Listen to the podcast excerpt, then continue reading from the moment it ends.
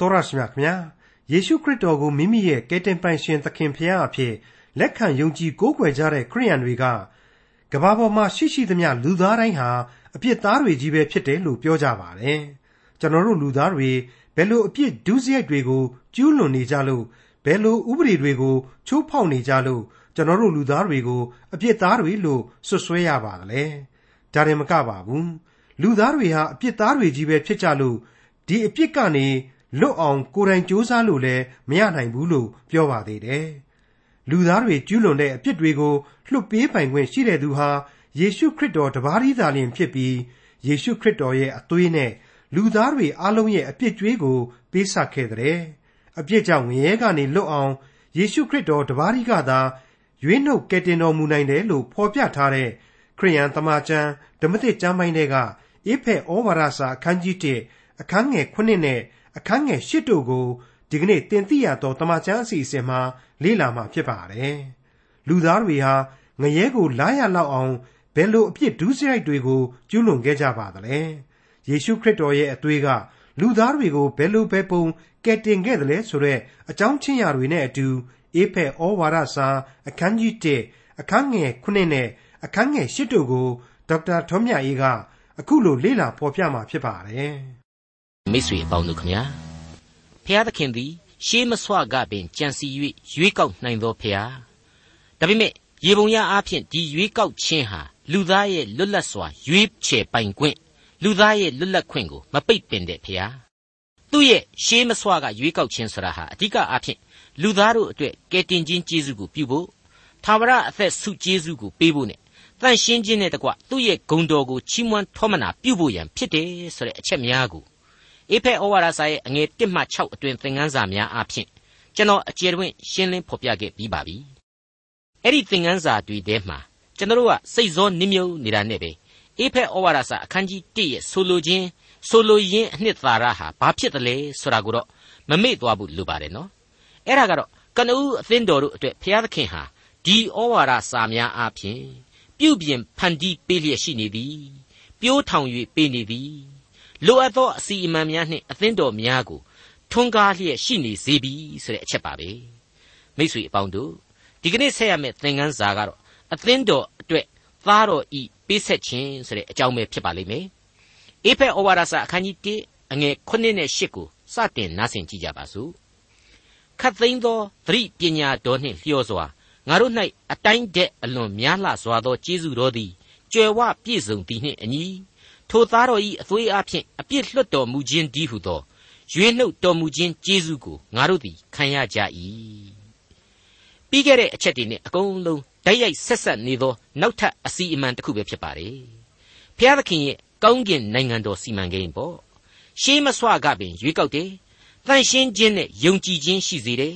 အခုအပိုင်းမှာကျတော့သားတော်ဤအသွေးတော်အားဖြင့်အပြစ်မှရွေးနှုတ်ကယ်တင်တော်မူခြင်းတဲ့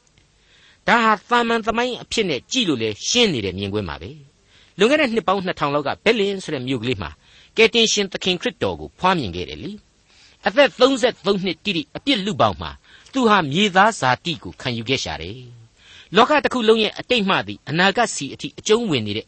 လူသားတို့ရဲ့အပြစ်ကြွေးတွေကိုယူတင်ဝတ်ဆောင်ပြီးတဲ့နောက်ကားတိုင်တော်ပေါ်မှာကိုကိုကိုအသေးခံပြီးတော့ပူဇော်ပေးခဲ့တယ်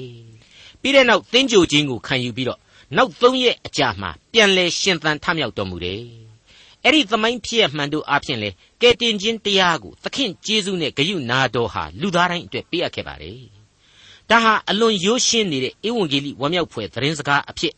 ကမ္ဘာလူသားများအားလုံးဒီကျေးဇူးဂရုနာကိုယုံကြည်လက်ခံပြီးတော့ထာဝရအသက်ကိုရယူကြစမ်းပါဆိုပြီးတော့ကဘာအနှံ့အပြားကြားနေရတဲ့အချက်ပါပဲ အသင်းတော်တို့ဟာကဘာလောကကြီးတစ်ခုလုံးကိုကြည်ညာပေးနေရတဲ့လောကသားအလုံးတို့အတွက်ဝမ်းမြောက်ဖွယ်ကြည်ညာချက်ပဲဖြစ်ပါတယ်အသွေးအားဖြင့်အပြစ်လွတ်ခြင်းတဲ့မပြတ်သားဘူးလားပြီးတော့ရဲကနေကောမနေဘူးလား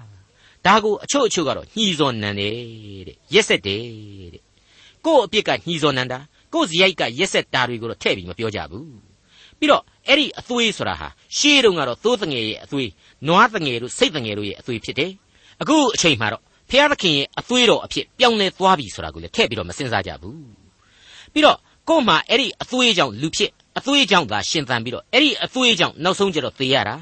သေပြီးနောက်မှလည်းဒီအသွေးတော်ကြောင့်သာလျှင်မျောလင့်ခြင်းဆိုတာရှိလာရတာဆိုတာကိုလေထည့်ပြီးတော့မစင်စားကြတော့ဘူးဒါဟာကိုယ့်ရဲ့အားနည်းချက်ကိုကိုပြန်ပြီးတော့စဉ်းစားရမယ့်အချက်ပါပဲကျွန်တော်ကိုတငယ်ချင်းဆရာဝန်တယောက်ကမင်းခရစ်တော်ကအသွေးတော်ကိုသွန်းလောင်းပြီးတော့ကယ်တင်ခြင်းပြုတယ်ဆိုတာကြီးကတော့မနှိပ်ပါဘူးကွာတဲ့ အဲ့ဒီလိုလာပြီးတော့ပြောခဲ့ပူပါတယ်အဲ့ဒါနဲ့ကျွန်တော်ကလည်းတငယ်ချင်းအသွေးတော်ဆိုတာဟာတန်ရှင်းတယ်မရှင်းဘူးကိုငါမပြောဘူးငါတို့လူအသွေးဟာတန်ရှင်းဖို့လိုမလိုသာမင်းစဉ်းစားမင်းရဲ့လူနာရဲ့သွေးဟာအချိုဓာတ်တွေသိမ့်များနေတယ်သွေးနီဥတွေသိမ့်များနေတယ်အစီဓာတ်တွေသိမ့်များနေတယ်ဆိုရင်မင်းရင်ထဲမှာဘယ်လိုရှိသလဲမင်းပြာရခတ်ရပြီမဟုတ်ဘူးလားရုပ်စွာအဆုံးခွဲစိတ်လိုက်တဲ့အချိန်မှတောင်မှသွေးကောင်းကောင်းမထွက်ဘူးဆိုရင်မင်းချက်ချင်းလန့်သွားရပြီ ထွက်လာတဲ့သွေးကပြာနှမ်းနှမ်းဆိုရင်လေမင်းမျက်လုံးပြူရပြီမဟုတ်ဘူးလားစသဖြင့်မိကွန်းတွေပြန်ထုတ်လိုက်တဲ့အချိန်မှာကျွန်တော်တငယ်ချင်းအဲ့ဒီဆရာဝန်တယောက်ဘာဆိုဘာမှပြန်မပြောနိုင်တော့ဘဲနဲ့ခေါင်းကိုက်ဆိုင်ချပြီးတော့ဟုတ်တယ်အသွေးနဲ့အသက်ဟာအမြဲဆက်ဆက်နေတယ်မင်းအသွေးတော်နဲ့အသက်ကိုလဲလှယ်တယ်ဆိုတာဟာယုတ်တိရှိတယ်တဲ့သူဝန်ခံသွားပါတယ်ဟုတ်ပါတယ်မိတ်ဆွေအပေါင်းတို့ဒီကနေ့သိပ္ပံလောကမှာသွေးရဲ့သိပ္ပံဟာရှေ့ဆုံးတန်းမှာရှိနေပါတယ်သွေးကပေးတဲ့အဖြေကိုသိပ္ပံဟာအဓိကထားနေရပါတယ် ဆေးပညာမှာသွေးကပေးတဲ့အဖြေဟာဘလောက်အထိအရေးတကြီးထားနေရတယ်ဆိုတာကိုဘယ်သူမှမငင်းနိုင်ပါဘူးမိษွေအပေါင်းတို့ကဘာဦးကလေးကရစ်ကောင်ရဲ့အသွေးနဲ့ရစ်ပူဇော်ပြီးတော့ဘုရားသခင်ကနေအပြစ်ဖြေရဝတ်ကိုတောင်းဆိုခဲ့ပါတယ်အဲ့ဒီရစ်ကောင်နဲ့ရစ်ပူဇော်ခြင်းဟာတစ်ချိန်သောကာလမှာကယ်တင်ရှင်သခင်ခရစ်တော်ရဲ့ကားတိုင်းတော်ပေါ်မှာအပူဇော်ခံခြင်းအပြင်ပြောင်းလဲသောကယ်တင်ရှင်ဂျေဇုနဲ့ဂရုဏာတော်ဆိုတာကိုချပေးလိမ့်မယ်ဆိုတာတွေ့ကိုကျွန်တော်သိထားခဲ့ရပြီဖြစ်ပါတယ် အဲ့ဒီကယ်တင်ရှင်ဂျေဇုတရားပေါ်မှာပဲကျွန်တော်ဟာသာဝရအသက်ကိုမျှော်လင့်နေကြရတာပဲမဟုတ်ဘူးလားတပ်ဖက်ရက်ဖက်သာအမျိုးမျိုးပြောနေတာဒီအသွေးတော်နဲ့ရစ်ပူဇော်တာဘာဖြစ်တယ်လဲဘာရက်ဆက်တယ်လဲလို့ကျွန်တော်မေးခွန်းထုတ်ချင်ပါတယ်ရစ်မပူဇော်ဘူးဆိုရင်ကောလူအဖွဲ့အစည်းဟာဒီတိရစ္ဆာန်လောကကအသားတွေကိုမသတ်ကြမစားကြတော့ဘူးလားဟင်းသီးဟင်းရွက်နဲ့ပဲကြည်နေပြီးတော့အကောင်တွေကကိုယ်ဂရင်မော်တက်အိတ်တာကိုခံနေကြမှာလားဒီလိုအကောင်ပလောင်တွေကိုဘုရားသခင်ဟာဝိညာဉ်မှုတ်သွင်းမပေးဘဲနဲ့ သီးသန့်တိရစ္ဆာန်လောကအဖြစ်ဖန်ဆင်းပေးထားတာဟာဘာကြောင့်လဲစသဖြင့်စသဖြင့်ကျွန်တော်တို့စဉ်းစားစရာတွေအများကြီးလိုလာပါတယ်စဉ်းစားကြည့်ပါဒီအသားစားရင်ဒီအကောင်ကိုတတ်ကိုတတ်ရမယ်အဲ့ဒီတော့ဒီအကောင်ကထွက်တဲ့အသွေးနဲ့ဘုရားသခင်ကိုအရင်ရစ်ပူဇော်ပြီးတော့အပြစ်ဖြေရဝတ်ကိုပြုတယ်ဆိုတာဟာဘာဆန်းတယ်လေစသည်စသဖြင့်ကျွန်တော်တို့မိကွန်းတွေအများကြီးစဉ်းစားစရာရှိပါတယ်မိကွန်းထုတ်နိုင်တာတွေအများကြီးရှိပါတယ် အခုဘုရားသခင်ရဲ့နှုတ်ကပတ်တော်ကတော့အဲ့ဒီလိုအတိတ်ကလိုအကောင်ပလောင်တွေကိုရစ်ပူဇော်ခြင်းရဲ့ပြည့်ညတ်တော်တွေနဲ့တင်းကျပ်စွာအုပ်ချုပ်ခြင်းရဲ့အဲ့ဒီလိုအတိတ်သမိုင်းကိုဖျက်သိမ်းပြီးတော့ကယ်တင်ရှင်သခင်ခရစ်တော်ရဲ့အသွေးတော်အားဖြင့်အပြစ်လွတ်စေတော်မူခြင်းဟုသည်ရွေးနှုတ်တော်မူခြင်းကျေးဇူးဆိုတာကိုလူသားတွေကိုခံယူစေတယ်တဲ့အဲ့ဒါဟာကျေးဇူးတော်နဲ့ဂရုဏာတော်ပဲမရှင်းဘူးလားဒီကယ်တင်ခြင်းကျေးဇူးကိုကျွန်တော်တို့ဟာဆန့်ကျင်ဘက်အပြစ်အမြင်နဲ့သုံးသပ်ကြမလား အလွန်လက်တွေ့ကြတဲ့ဘုရားသခင်ရဲ့ကျေးဇူးတရားတစ်ခုအဖြစ်လက်ခံကြမလားဒါပဲလိုပါတယ်ဒါပဲစဉ်းစားစရာရှိပါတယ်ဒီအပိုင်းမှာကျွန်တော်အနေနဲ့ဟေပြောဩဝါဒစာအခန်းကြီး30အငယ်9ကနေ73အတွင်းကိုဖတ်ပြခြင်းပါတယ်ထို့ကြောင့်ခရစ်တော်သည်ဤလောကသို့ကြွလာသောအခါအိုဖျားသခင်ကိုတော်သည်ယင်းနှင့်ပူဇော်သက်ကာကိုအလိုတော်မရှိသည်ဖြစ်၍အကျွန်ုပ်အဖို့ကိုခန္ဓာကိုပြင်ဆင်တော်မူပြီးမိရှုရာယင်းနှင့်အပြစ်ဖြေရာယင်းများကိုအာရနှစ်သက်တော်မမူသောအခါ ကျမ်းစာလိမ့်၌အကျွန်ုပ်ကိုအမှတ်ပြု၍ရေးထားသည်နှင့်အညီအကျွန်ုပ်သည်ကိုတော်၏အလိုကိုဆောင်းအံ့သောငါသွားပါမည်ဟုအကျွန်ုပ်ဝန်ခံပါသည်ဟုလျှောက်ဆို၏ပြည့်ညက်တရားအတိုင်းပြုရသောဝတ်ကိုရည်ဆောင်လျက်ခရစ်တော်က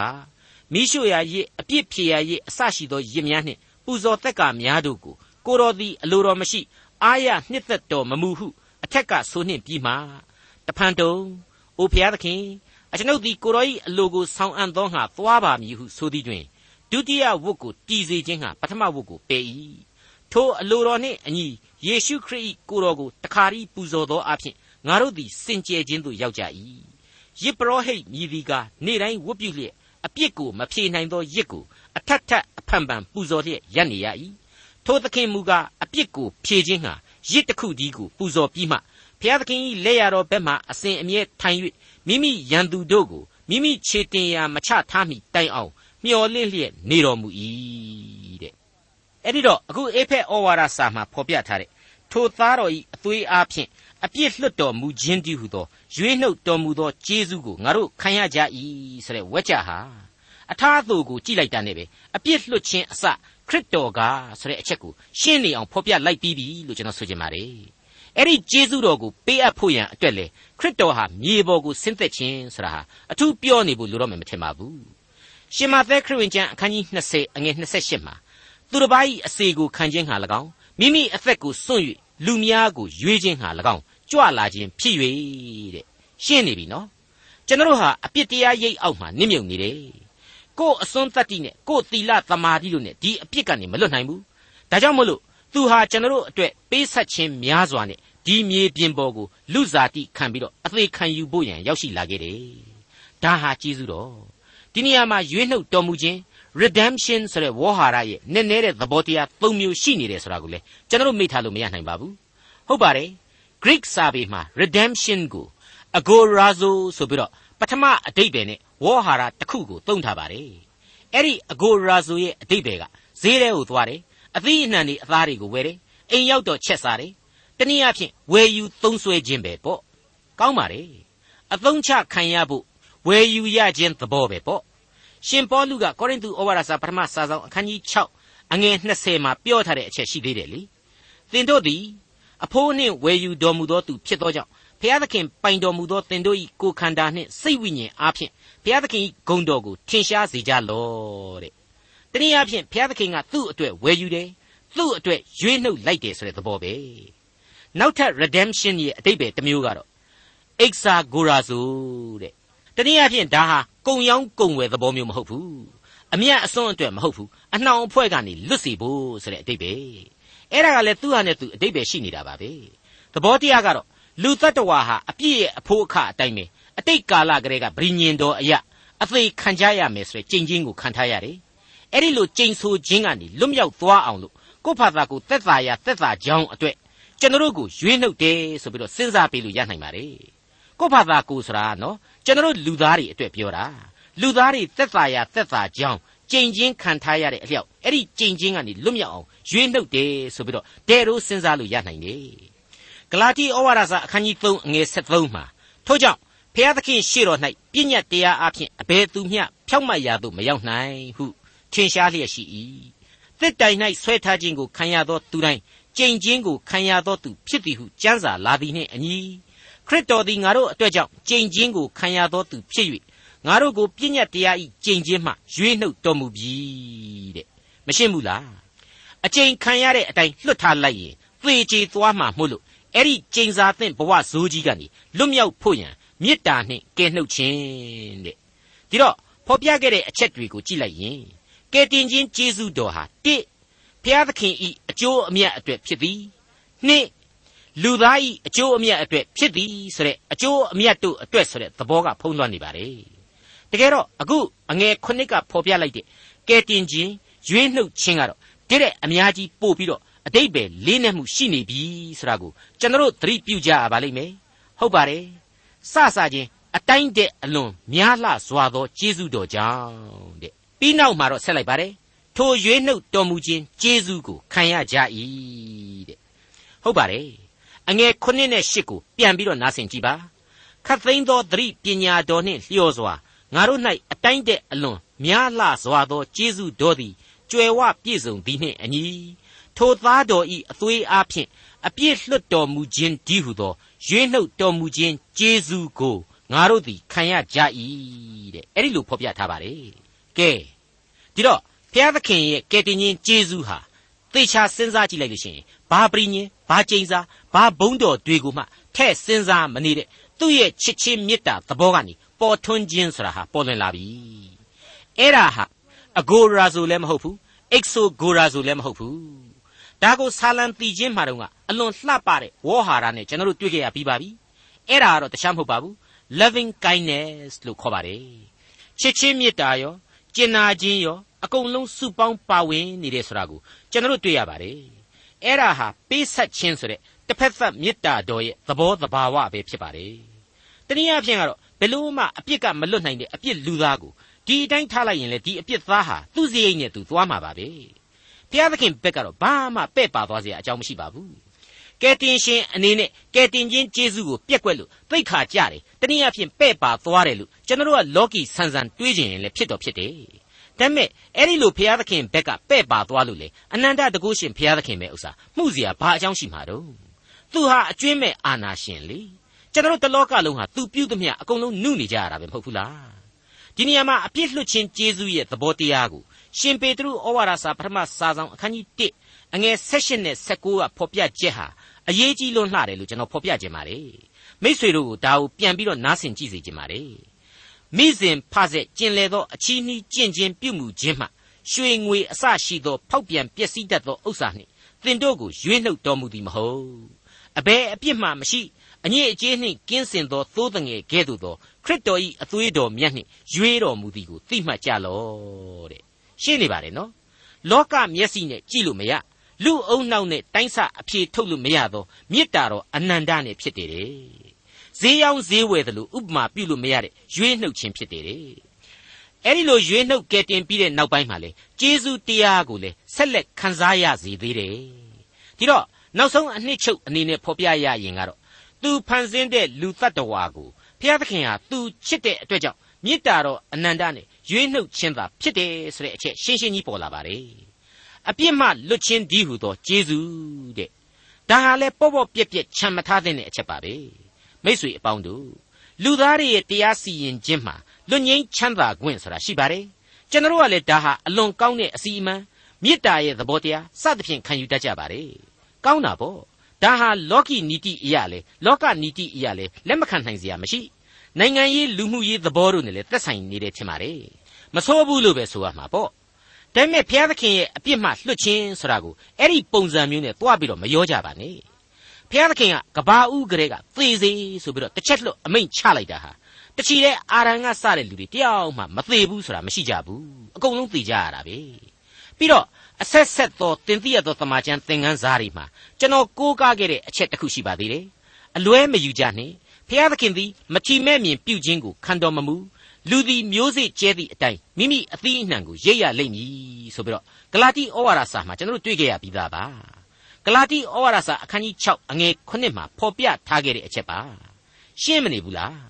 အပြစ်လူပေါင်းအဖွဲ့အစည်းမှာအပြစ်နဲ့တော်လျော်တဲ့စီရင်ခြင်းတွေဟာရှိကိုရှိတယ်အဲ့ဒီလိုစီရင်ခြင်းတွေကြောင့်လေဘုရားသခင်ရဲ့ကယ်တင်ခြင်းကျေးဇူးတရားဆရာဟာပို့ပြီးတော့ထင်ရှားလာရခြင်းပဲဖြစ်ပါတယ်စောစောတုန်းကကျွန်တော်ဖော်ပြခဲ့တဲ့လူအဖွဲ့အစည်းရဲ့အပြစ်လွတ်ခြင်းသဘောတရားကလည်းဆိုးတော့မဆိုးဘူးထင်ရှားတာပါပဲဘာထင်ရှားတာလဲဆိုတော့အပြစ်လွတ်ခြင်းတရားကြီးကသာသမိုင်းနဲ့ခြီးပြီးရှိနေတယ် ကဘာကြီးတခါမှငြိမ်းချမ်းတယ်ဆိုတာမရှိတဲ့အချက်ပါပဲမိ쇠အပေါင်းတို့သင်ခန်းစာဟာတပတ်ကြော့တယ်လို့ပဲဆိုရင်ဆိုခရစ်တော်ရဲ့အသွေးတော်ဆိုတာဟာမပါဘဲနဲ့ဒီကနေ့ကျွန်တော်တို့သင်ခန်းစာကိုမရနိုင်ပါဘူးဟုတ်ပါတယ်ကယ်တင်ရှင်ရဲ့အသွေးတော်ဟာကယ်တင်ခြင်းတရားရဲ့အမြုပ်တည်ဖြစ်ပါတယ်ချင်းစီအနှစ်သာရဘိုင်းပဲဖြစ်ပါတယ်စောစောပိုင်းကကျွန်တော်တို့ကြားခဲ့ရတဲ့အတိုင်းပဲညှီစော်နံနေတဲ့သွေးရဲ့အကြောင်းပဲပေါ့ဒီသွေးနဲ့ပတ်သက်ပြီးတော့စာရေးဆရာမကြီးဂျာနေကျော်မမလေးကနေပြီးတော့ သွေးဆိုတဲ့ဝတ္ထုကြီးကိုရေးခဲ့ပူပါတယ်ဂျပန်မြန်မာချစ်ကြည်ရေးဝတ္ထုရှည်ကြီးပါအဲ့ဒီလိုပါပဲသွေးသစ္စာတိုင်းတဲ့ဘသူရေးလဲတော့ကျွန်တော်မမှတ်မိပါဘူးဝတ္ထုတစ်ပုဒ်ရှိခဲ့ဘူးပါတယ်ကျွန်တော်ကိုယ်တိုင်ကလည်းချစ်သွေးဆိုပြီးတော့အခန်းဆက်ဝတ္ထုရှည်တစ်ပုဒ်ကိုမြမတမန်မှာရေးခဲ့ဘူးပါတယ်အဲ့ဒီလိုပါပဲသွေးနဲ့ပတ်သက်တဲ့နာမည်ပါဝင်နေတဲ့ဘွဲ့တွေလင်္ကာတွေစာပေတွေဆိုတာဟာလောကကြီးမှာကုံကုန်မကုံနိုင်ပါဘူးအများကြီးရှိနေပါတယ်အဲ့ဒီလောက်အထိ သွေးနဲ့ပတ်သက်တဲ့လင်္ကာရစာပေတွေကသာပေါ်များနေတာအသွေးတော်ကြတော့ညှိစော်နံတယ်တဲ့မခက်ဘူးလားသေချာတွေးကြည့်တော့လည်းမခက်ပါဘူးလူဟာအမြဲတမ်းဒီလိုပဲကန့်လန့်ကန့်လန့်လုပ်တတ်တယ်လေသွေးဟာဘလောက်အရေးကြီးတယ်ဆိုတာကိုသိကြတာများတယ်ဒါပေမဲ့ခရစ်တော်ရဲ့အသွေးတော်နဲ့ကယ်တင်ခြင်းဆိုတာကြတော့မှာပဲမကြိုက်ဘူးမကောင်းဘူးလက်မခံနိုင်ဘူးဆိုတဲ့အတွေးအခေါ်တွေဝင်လာကြတော့တာပါပဲဒါဟာတနည်းအားဖြင့်ဇာတိပဂရိလူသားရဲ့သဘာဝ ဖျားသခင်ရဲ့မြင့်မြတ်သောကောင်းကင်နိုင်ငံတော်နဲ့မထိုက်တန်တဲ့အတွေးအခေါ်ကိုစာရမဏတ်ဟာအစဉ်အမြဲလူသားအဲ့ဒီဘက်တိတ်ညွတ်အောင်လို့ဆွဲဆောင်နေတယ်လူသားဟာစာရမဏတ်နဲ့ပေါင်းပြီးတော့ဖျားသခင်ကဘာလုပ်လို့အကောင်းမမြင်နိုင်လောက်အောင်မှားယွင်းတဲ့အပြစ်ဒုစရိုက်အတွေးအခေါ်ကိုအမြဲတမ်းအုံနောက်ထဲမှာထည့်ရကြတယ်ဒီအသွေးတော်ရဲ့ဘလောက်အထိအရေးကြီးတယ်ဆိုတဲ့အချက်ကိုကောရိန္သုဩဝါဒစာပထမစာဆောင်မှာကျွန်တော်တို့လေ့လာခဲ့ကြပြီးပါပြီ ကောရိန္သုဩဝါဒစာပထမစာဆောင်အခန်းကြီး7အငယ်23ကနေဆက်ပြီးတော့ဖတ်ကြည့်ကြပါအကြောင်းမူကားသင်တို့၌ငါအပ်ပေးသောအရာကိုသခင်ဖျားထံ၌ငါခံရပြီခံရသောအရာဟုမူကားသခင်ယေရှုသည်ရန်သူလက်သို့အနှံ့ခြင်းကိုခံရသောနေ့ညမှာမုံကိုယူ၍ကျေးဇူးတော်ကိုချီးမွမ်းပြီးမှမုံကိုဖဲ့၍ဤမုံကသင်တို့အဖို့အလို့ငှာချိုးဖဲ့သောငါ၏ကိုဖြစ်၏ယူ၍စားကြလော့ငါကိုအောက်မေ့ဖို့ရာဤသို့ပြုကြလော့ဟုမိန့်တော်မူ၏ ထိုနည်းတူညစာစားပြီးမှခွက်ကိုလည်းယူ၍ဤခွက်ကငါဤအသွေး၌တည်သောဗြိညင်တရားသစ်ဖြစ်၏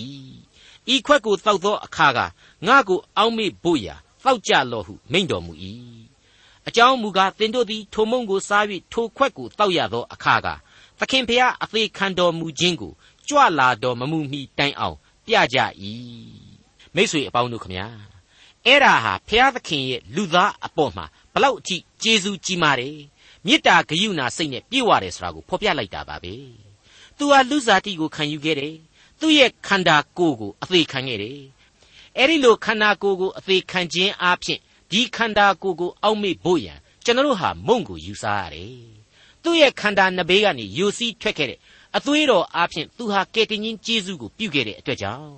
ကျွန်တော်အပြစ်သမိုင်းတစ်ခုလုံးကလူသားတွေဟာအပြစ်ကြွေးကနေဝေးနိုင်တယ်။ ထာဝရအသက်ကိုသူ့ကိုလက်ခံခြင်းအပြင်ရယူနိုင်တယ်ဆိုတဲ့အချက်ကိုသူဖော်ပြပေးခဲ့တယ်။တနည်းအားဖြင့်ဒီအသွေးတော်ကိုပူဇော်ခြင်းအပြင်ကျွန်တော်တို့ကိုအပြစ်မှလွတ်စေခြင်းပဲပေါ့။ဒါကြောင့်မလို့ဒီအသွေးတော်ဟာအစဉ်တစိုက်ကျွန်တော်တို့အတွက်အရေးကြီးနေတယ်။အဲ့ဒီအရေးကြီးတဲ့အသွေးတော်ကိုကျွန်တော်တို့ဟာမမေ့နိုင်ဖို့ရန်အတွက်လေသခင်ဟာဆုံးမခဲ့တယ်။စောစောကကြားနာခဲ့ရတဲ့ကောရိန္သုဩဝါဒစာပထမစာဆောင်တဲကဩဝါဒအတိုင်းပဲပေါ့။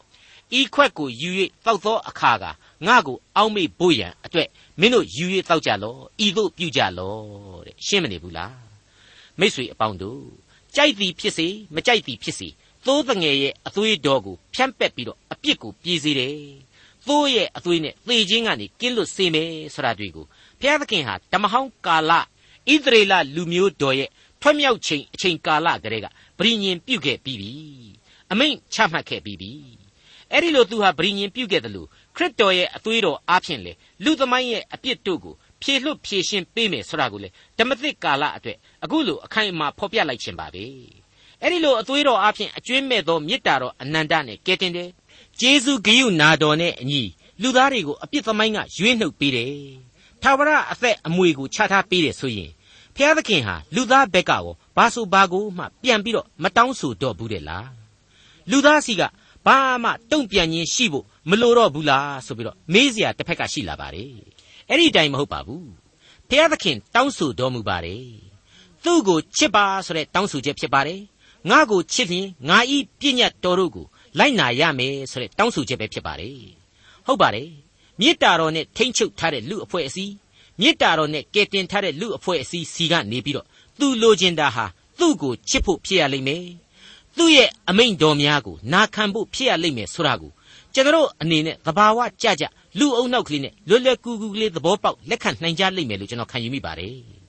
ဒါနဲ့ပတ်သက်ပြီးတော့ဘုရားသခင်ရဲ့မေတ္တာတော်နဲ့လူသားရဲ့တုံ့ပြန်မှုလိုအပ်ချက်နှစ်ခုရဲ့အကြောင်းကို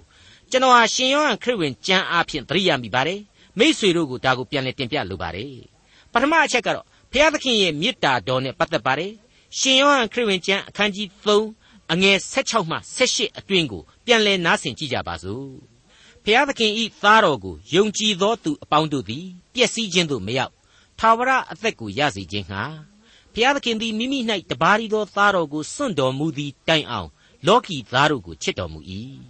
လောကီသားတို့အားအပြစ်စီရင်ခြင်းဟာဖျားသခင်သည်သားတော်ကိုဤလောကသို့ဆေလွတ်တော်မူသည်မဟုတ်လောကီသားတို့သည်ကိုတော်အားဖြင့်ကယ်တင်ခြင်းသို့ရောက်မည်အကြောင်းဆေလွတ်တော်မူ၏ သားတော်ကိုယုံကြည်သောသူသည်အပြစ်စီရင်ခြင်းကိုမခံရမယုံကြည်သောသူမူကားဖျားသခင်၌တပါးရီသောသားတော်ကိုမယုံကြည်သောကြောင့်ယခုပင်အပြစ်စီရင်ခြင်းကိုခံရ၏အဲ့ဒီလိုရှင်းလင်းစွာဖော်ပြထားတဲ့အချက်ပဲဖြစ်ပါတယ်ဒုတိယပိုင်းအနေနဲ့ကတော့ဒုတိယကန္တအနေနဲ့ကတော့လူသားကနေပြီးတော့ဘုရားသခင်ရဲ့မေတ္တာတော်အပေါ်မှာဘယ်လိုတုံ့ပြန်ကြရမလဲဆိုတဲ့အချက်ဖြစ်ပါတယ်။ရှင်ယောဟန်ခရစ်ဝင်ကျမ်းအခန်းကြီး14အငယ်15ကဖော်ပြချက်ပဲဖြစ်ပါတယ်။တိုတောင်းပြတ်သားရှင်းလင်းနေပါတယ်။ ငါ့ကိုချစ်ရင်ငါပြည့်ညတ်တို့ကိုစောင့်ရှောက်ကြလော့တဲ့။ဒီအတိုင်းပဲလဲကျွန်တော်စောင့်ကတင်ပြခဲ့ပြီးပါပြီ။မိတ်ဆွေတော်တတ်ရှင်အပေါင်းတို့အဲ့ဒီလိုဘုရားသခင်ကိုချစ်၍ဘုရားသခင်ဤပြည့်ညတ်တို့ကိုစောင့်ရှောက်ဖို့ရန်အတွက်ဘာများကျွန်တော်တို့အဖို့အခက်အခဲရှိနိုင်မှာလဲ။ဘာဖြစ်လဲဆိုတော့အဲ့ဒီရှင်ယောဟန်ခရစ်ဝင်ကျမ်းအခန်းကြီး14အငယ်15မှာပဲဆက်ပြီးဖော်ပြထားတာရှိပါသေးတယ်။ငါကိုချစ်ရင်ငါပြည့်ညတ်တို့ကိုစောင့်ရှောက်ကြလော့ဆိုတဲ့အမိန့်တော်နဲ့အတူ ငါသည်ခမည်းတော်ကိုတောင်း၍ခမည်းတော်သည်တမာတရားကိုပြသောဝိညာဉ်တော်ကြီးဟုသောတပါသောဥပစ္စေဆရာကိုသင်တို့နှင့်အတူအစင်မပြတ်တည်နေစေခြင်းဟာသင်တို့အားပေးတော်မူမည်ထိုဝိညာဉ်တော်ကိုလောကီသားတို့သည်မသိမမြင်သောကြောင့်မခံမယူနိုင်ကြ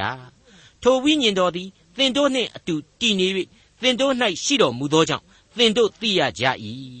ငါသည်သင်တို့ကိုမိဘမဲ့ဖြစ်စေခြင်းဟာစွန့်ပြစ်မည်မဟုတ် သင်တို့စီတို့လာဦးမည်တဲ့မရှင်းဘူးလားဘုရားသခင်ဟာအမိန့်တော်တစ်ခုကိုချမှတ်ခြင်းနဲ့အတူသူအမိန့်ချမှတ်ထားတဲ့လူသားအတွက်ခွန်အားကိုပေးတယ်ဆိုတာဟာရှင်းနေပါလေအဲ့ဒီကြမ်းတဲ့မှာပဲအငယ်14ကအချက်ကလေးကလည်းစိတ်ဝင်စားဖို့ကောင်းပါလေသင်တို့သည်ငါဤနာမကိုအမိပြု၍တစုံတစ်ခုသောဆုကိုတောင်းလျင်တောင်းသည့်အတိုင်းငါပြုမည်တဲ့ကဲဒီတော့ဘုရားသခင်ပြုတော်မူသောကျေးဇူးတော်တွေဟာ ကျွန်တော်လူသားအတွက်အရှံပဲဖြစ်နေတယ်မဟုတ်ဘူးလားသူပြုတော်မူသောကျေးဇူးတော်အားဖြင့်ကျွန်တော်ဟာအပြစ်ငရဲမှလွတ်ကင်းနိုင်တယ်ထာဝရအသက်ကိုဘုန်းတော်ကိုဝင်စားနိုင်တယ်မိษွေတော်တတ်ရှင်အပေါင်းတို့အသွေးတော်နဲ့ကဲတင်ခြင်းကိုတုံ့ပြန်ခြင်းရှိရပါလိမ့်မယ်သူ့ကိုချစ်၍သူ၏ပြည့်ညတ်တို့ကိုစောင့်ရှောက်ခြင်းပဲဖြစ်ပါတယ်အဲ့ဒီလိုမှကဲတင်ရှင်ကိုမယုံကြည်ဘူးမချစ်နိုင်ဘူးဆိုရင်တော့ထာဝရအသက်နဲ့မုတ်ချမသွေဝေးရလိမ့်မယ်လို့ကျွန်တော်တင်ပြလိုပါတယ် ဒီအကြောင်းနဲ့သက်ဆိုင်လို့လင်္ကာတပုတ်ကိုကျွန်တော်ဆက်ဆိုပြပါရစေ